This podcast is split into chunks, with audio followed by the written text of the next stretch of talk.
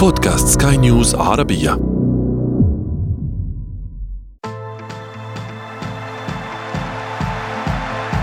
أثير الكرة.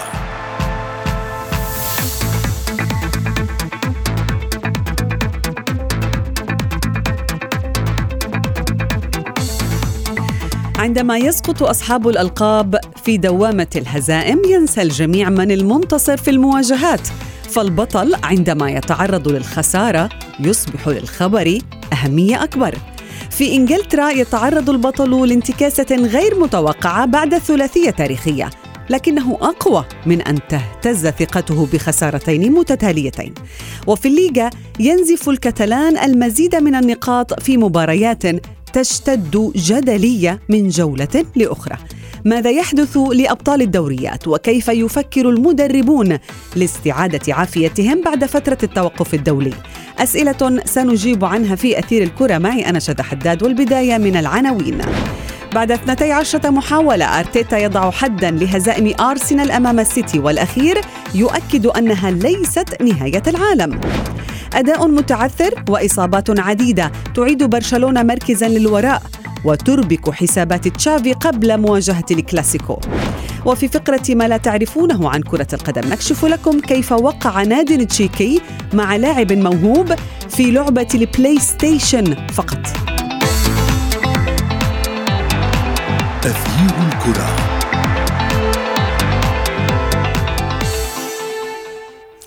أهلا ومرحبا بكم مستمعينا الكرام في حلقة جديدة من أثير الكرة واليوم نلاحظ بعد مرور حوالي تسع جولات على انطلاق الدوريات الكبرى نلاحظ أن هناك حذر مبالغ فيه بعض الشيء كلف أبطال الدوريات خسائر وتعادلات غير متوقعة. مانشستر سيتي مثلا سجل أول هزيمتين في الدوري للمرة الأولى منذ عام 2018 في ألمانيا باين ميونخ مثلا يحارب على أكثر من جبهة وهو في المركز الثالث في ترتيب فرق البوندسليغا. أما برشلونة فالجماهير غير راضية رغم أنه لم يتذوق طعم الهزيمة بعد لكنه يفلت منها بطلوع الروح وفي الدقائق الأخيرة.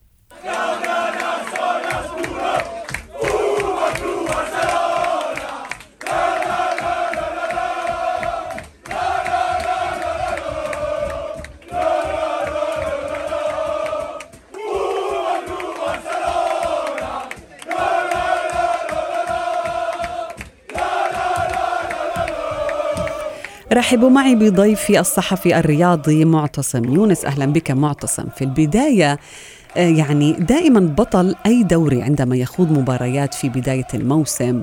ونحن لسنا في البداية في البداية. لكن دائما تكون الجماهير طماعة بعض الشيء. تريد منه أن يحقق دائما الانتصارات. ما الذي يعيق بدايات الأبطال برأيك آه، هذا الموسم يا معتصم؟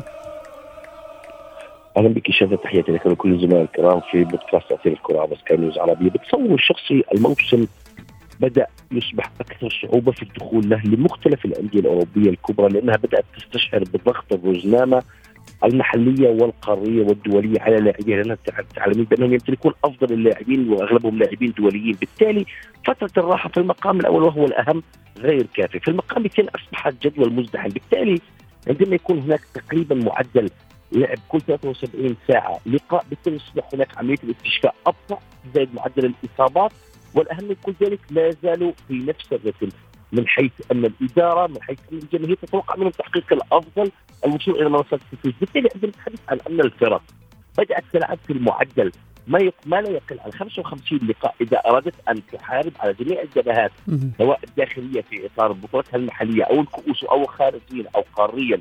في إطار دوري الأبطال وغيرها من المسابقات بالتالي فعليا هي تعيش تحت ضغط ولربما حتى إنجاز التعبير رحمة الاصابه في أي لحظة بتتعرض لاعب أساسي للإصابة بالتالي تهتز كل أفكار المدرب. بالتالي هو مطالب بعملية تدوير دائمة بغض النظر بأن الموسم قد بدأ بشكل سليم أو لا أو أن هناك انسجام أو كيمياء واضحة أو كبيرة بين اللاعبين القدامى واللاعبين القادمين الجدد للفريق لكنه مطالب بالحفاظ على لياقة اللياقة البدنيه للاعبين على سلامتهم من الإصابات العضلية أكبر قدر ممكن حتى ينجح في قيادة الموسم إلى آخره بأفضل شكل ممكن، ما دون ذلك تكون الشخصي التذبذب الحاصل في اغلب الفرق الكبرى وخاصة الفرق التي ذكرت فيها مانشستر سيتي، برشلونة، بايرن ميونخ وحتى ريال مدريد في فترات ما قريبة. لربما هو شيء مبرر ومنطقي وواقعي لأن الأمور أصبحت أصعب، الخيارات أصبحت أقل. وهناك ضغط متتالي مطالب بتحقيق الانتصارات بشكل لربما أصبح غير مبني على تقديم أداء ممتع أو مقنع، المهم تحقيق ثلاثة نقاط بحين الوصول للجهوزيه القصوى والقدرة فعليا على مجابهه ضغط الوقت وضغط الإصابات في المباريات. دائما يكون الكلاسيكو آه، معتصم هو اختبار أول اختبار لريال مدريد واختبار لبرشلونة. وهذه المرة يمكن الكلاسيكو سيكون بعنوان من سيفوز في ظل أزمة الإصابات بين الفريقين. ريال مدريد عانى من البداية ولكنه يعني تشعر بأنه هناك قدرة للنادي على تخطي مثل هذه الأمور. بالنسبة لبرشلونة مع غياب ليفاندوفسكي مثلا غياب كوندي بالأمس مثلا يعني تشافي آه، آه، يعني وضعه معقد بعض الشيء. من أقوى برأيك لتخطي الأزمات قبل خوض الكلاسيكو؟ لطالما كان كارلو أنشيلوتي هو الأقوى بالتالي ريال مدريد هو الأفضل لأن كارلو أنشيلوتي المدرب اعتاد على التعامل تحت ضغوط كبيرة أبرزها محدودية العمل الإداري في عملية جلب تعاقدات، بالتالي لطالما اعتاد على موضوع تدوير اللاعبين على مراكز مختلفة لتعويض النقص في التعاقدات، هذا شيء يحترم في كارلو أنشيلوتي بأنه صبور ويعمل بالأدوات المتاحة والأهم من كل ذلك بأنه بدأ يشعر الجماهير ويشعر الإدارة بقدرته على إيجاد مراكز جديدة لربما تقدم إضافة أكبر من المتوقع.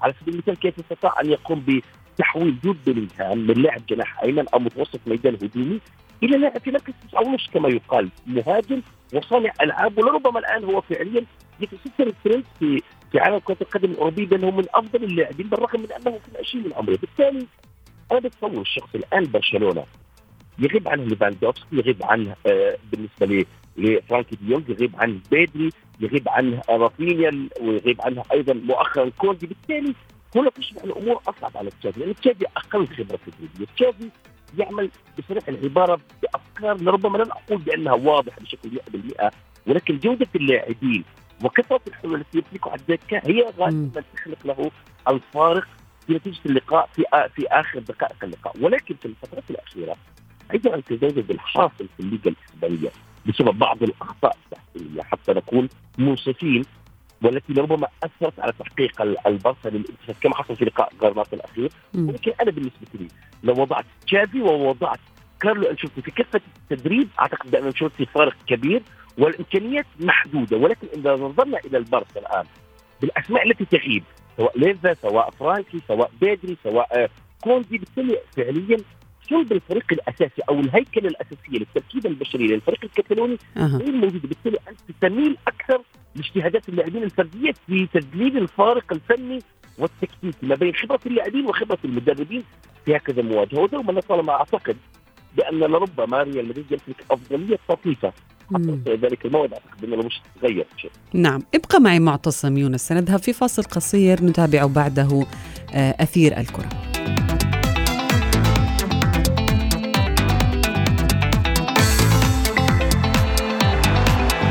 أثير الكرة.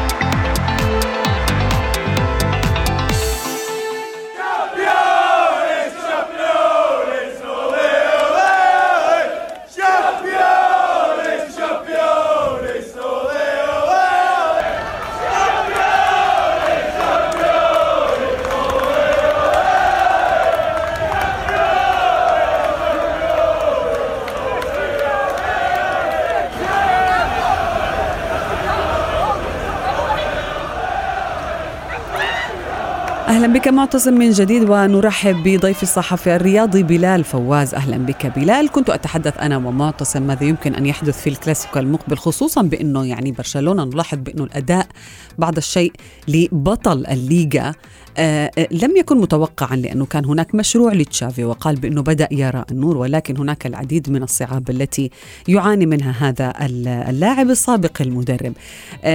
معتصم كان له راي بأنه ريال مدريد قادر على تخطي مشاكله قبل الكلاسيكو نظرا لحنكة أنشيلوتي المختلفه عن تشافي.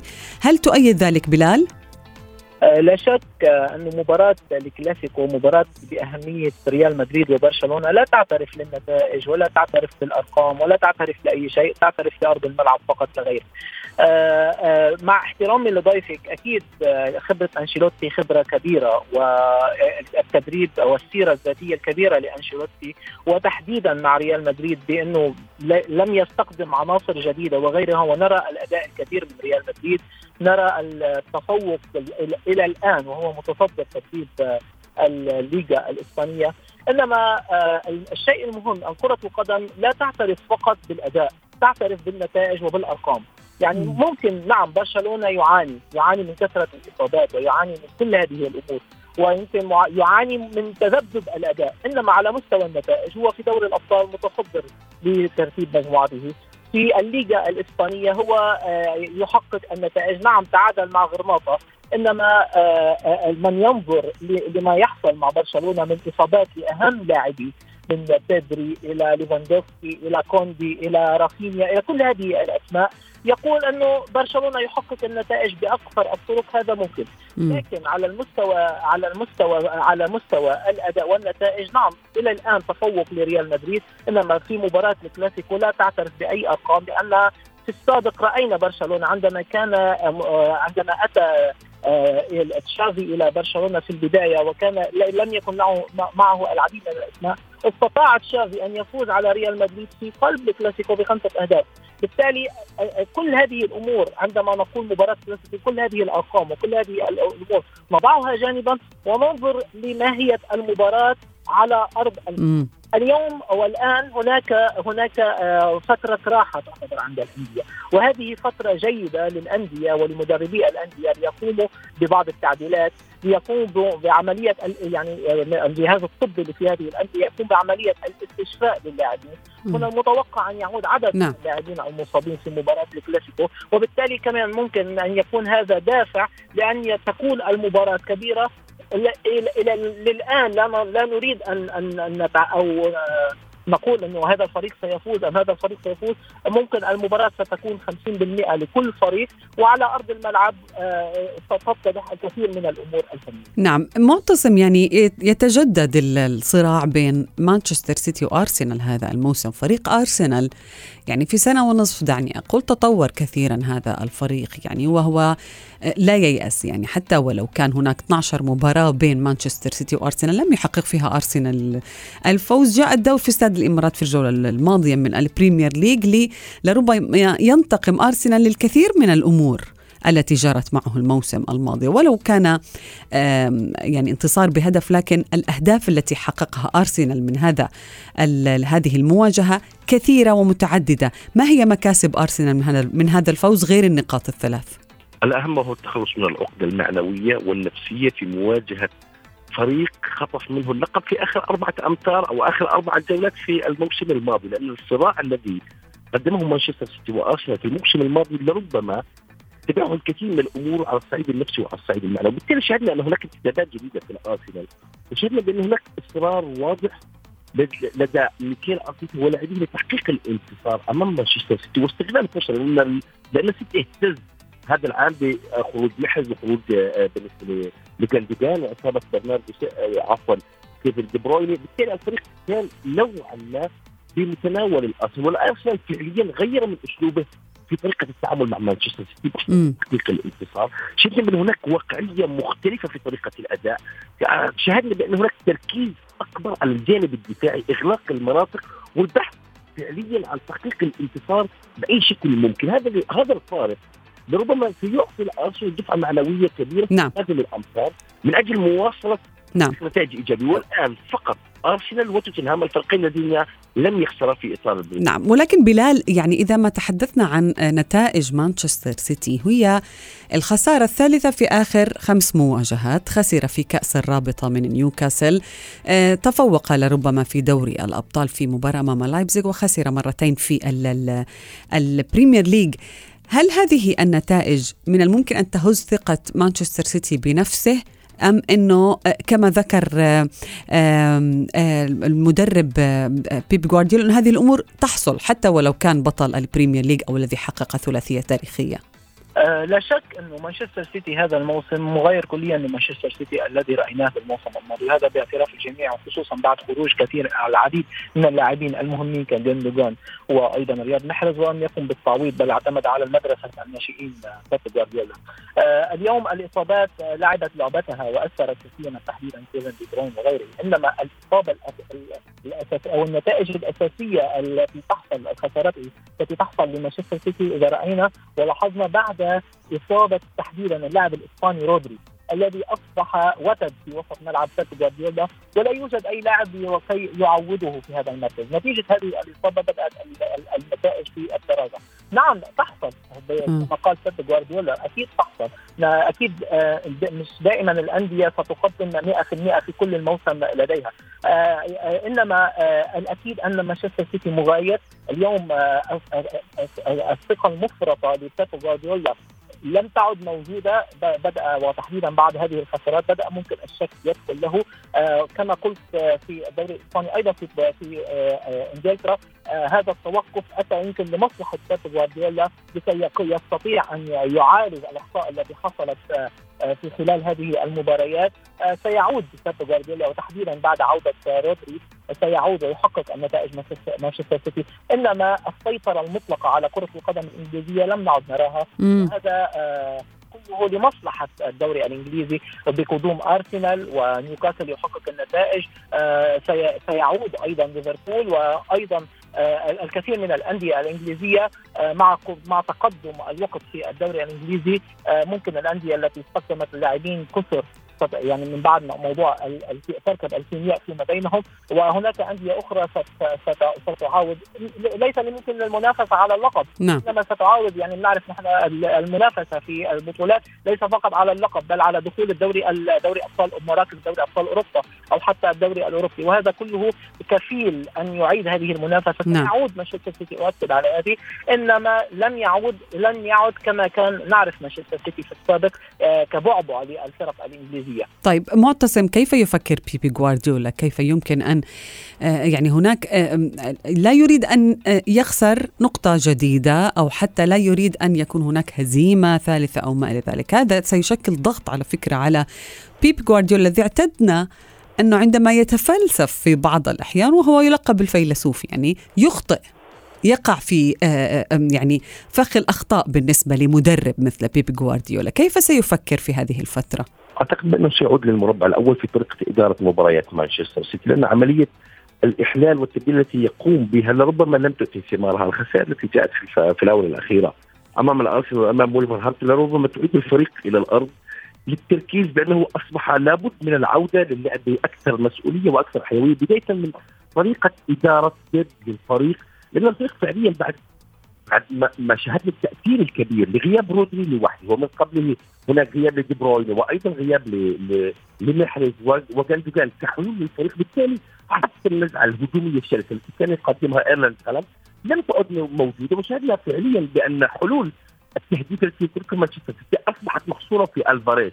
بالتالي أنا بتصور الشخصي بين فتره التوقف الدولي لربما تعطي بيب فرصه للراحه ولاخذ نفس اطول في طريقة تحضير الأسماء الأساسية الأكثر مناسبة لخوض المباريات هي على الضغوط التي حصلت في الاونه الأخيرة. لا ننسى بأن الفريق فعليا يعيش الآن في فترة ربما التراخي نفسيا وعقليا. نستعلم الموسم الماضي كان موسم مذهل كان موسم كبير حقق عاصف بتحقيق البطولات ثلاث بطولات كاس العالم للانديه على الطريق. بالتالي ربما البعض يعتقد بأنه قادر على اتخاذ موسم بالراحة ولكن فعليا هذا ربما مرفوض في طريقة إدارة الفريق وفي طريقة جماهير اللي يبحثوا عن بقاء الفريق في أعلى مستوى تنافسي بالتالي أنا الشخص الأسماء التي جاءت مؤخرا سواء كوفازيت سواء نونيز سواء دوكو حتى اللحظة لم يقدموا أنفسهم بأفضل شكل ممكن بالتالي هم فعليا غير قادرين شذا على اللعب بالأسلوب الذي وصل إليه بيب مع الأسماء السابقة في الموسم الماضي برقم 3 2 4 1 كانت هناك تشعب كبير من الفكر التكتيكي وأسلوب التحضير الذي يقوم به بيب للاعبين وطريقة اللعب بمرونة تكتيكية عالية في مركز اللاعبين الآن لابد من العودة إلى كلاسيكيات إدارة كرة القدم كلاسيكيات الخطه التكتيكية ب 4 3 3 البحث عن التأمين الدفاعي حتى فعليا. شاهدنا بأن عندما جاء عاد ستونز لربما حتى اللاعب الإنجليزي نفسه لن يظهر نفسه بأفضل شكل ممكن بالتالي هناك اهتزاز كبير في انسجام المجموعة في طريقه ربما تبادل الأدوار في طريقة تقديم أفضل ما لدى اللاعبين في لأن لأنك تسقط أمام ولفرهامبتون ثم تسقط أمام الارسنال بالتالي. هناك مشكلة واضحة. أنا أحترم إمكانيات الولز وإمكانيات الارسنال ولكن فعليا مانشستر سيتي في كلا اللقاءين لم يقدم لربما 40% من المردود الفني والتكتيكي والبدني والأهم الجانب المهاري. الذي كان يقدمه في الموسم الماضي بالتالي طيب. لابد من عمل نعم. عاجل وسريع في إعادة لملمة الفريق بالنسبة بلال بالنسبة لأرسنال كمان يعني آه، ستقدم له هذه المباراة وهذا الانتصار الكثير في الفترة آه، المقبلة كونه كما ذكر معتصم هو فك عقدة وهذا الأمر يعطي الفريق ثقة أكبر آه، كيف سيتصرف أرسنال للحفاظ على آه، لربما توازنه في الموسم الذي يبدو بأنه سيكون طويل جدا. آه لا شك انه الموسم الماضي والذي قبله كان آه أرتيتا يقوم بعملية البناء وكان كثير وإلى الآن هناك الكثير من اللاعبين الشباب لكنهم لعبوا ومارسوا التجربة في الدوري الإنجليزي وفي المنافسة على البطولات. لم ينجحوا بالموسم الماضي وبالتالي كان الموسم الماضي كدرس كبير. ونرى الآن عملية أو نرى الآن ارسنال سواء من خلال استخدام اللاعبين لأرتيتا في الصيف الماضي أو حتى من خلال الأداء اليوم، نعم يقوم بعملية توزيع يعني هناك نعرف نحن الدوري أو الفرق الإنجليزية تشارك في الكثير من البطولات سواء في الدوري أو كأس الرابطة أو غيرها من الأمور بالإضافة طبعا لدوري أبطال أوروبا، نرى آرسنال في دوري أبطال أوروبا لم يستطع أن يفوز هذا آه، في الجولة الماضية، بالتالي يمكن يكون هناك تركيز أو أرتيتا يكون يعمل على التركيز على الدوري الإنجليزي لانها البطوله يمكن الأفضل لديهم. يعني هي في الكارير أو خاصة في يعني السنة الماضيه نعم. كان على بعد أمتار من احراز اللقب، بالتالي التركيز سيكون أكبر على الدوري الإنجليزي، فك العقدة هناك الكثير من المباريات نعرف الدوري هو تجميع نقاط يلعب ويسعى للفوز في جميع المباريات وتحديدا المباريات السهلة لكي يستفيد منها ويستفيد من عامل النقاط في الأمتار الأخيرة من الدوري الإنجليزي. نعم. اليوم أرسنال بات أكثر خبرة في الدوري الإنجليزي، بات أكثر نضوجا، لاعبوه باتوا أكثر نضوجا وباتوا وعرفوا أيضا من أين تأكل الكتف بالنسبة لمانشستر سيتي وبيبي جوارديولا، كل الشكر شكرا جزيلا ضيفي بلال فواز ومعتصم يونس.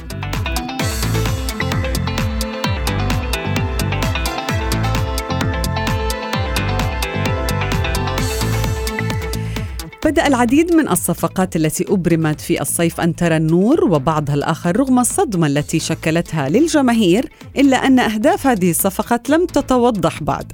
وفي فقرة ما لا تعرفونه عن كرة القدم نكشف لكم قصة أغرب صفقة انتقال على الإطلاق ليس فقط هذا الصيف. سلطت صحيفة الديلي ميل البريطانية في الميركاتو الأخير على خطوة مفاجئة لأحد أندية الدرجة الثالثة في تشيك حيث وقع فريق FK أوستي ناد لابم وهو فريق في الدرجة الثالثة في تشيك وقع مع طالب جامعي. لم يلعب كرة القدم في حياته. هذا اللاعب يدعى مارتن بوداتشسكي ويبلغ من العمر 22 عاما. هو طالب ليس لاعب في كلية الحقوق واشتهر بموهبته في لعبة الفيفا أكثر من ممارسته كرة القدم الحقيقية. وسيصبح مارتن قائد الفريق مما أثار صدمة أخرى للاعبين والمشجعين. لكن حقيقة الأمر أن هذه الصفقة تمت بعد أن تبرع والد مارتن بمبلغ 20 ألف يورو لشركة عقارية مملوكة لرئيس النادي التشيكي والصفقة تقتضي بأن يشارك مارتن لمدة عشر دقائق كمهاجم في الفريق بينما يقدم والده دعما ماديا للنادي. ومن المتوقع أن يظهر هذا اللاعب الطالب أول مرة بقميص فريقه في النصف الثاني من هذا الموسم وتحديدا في ربيع العام المقبل.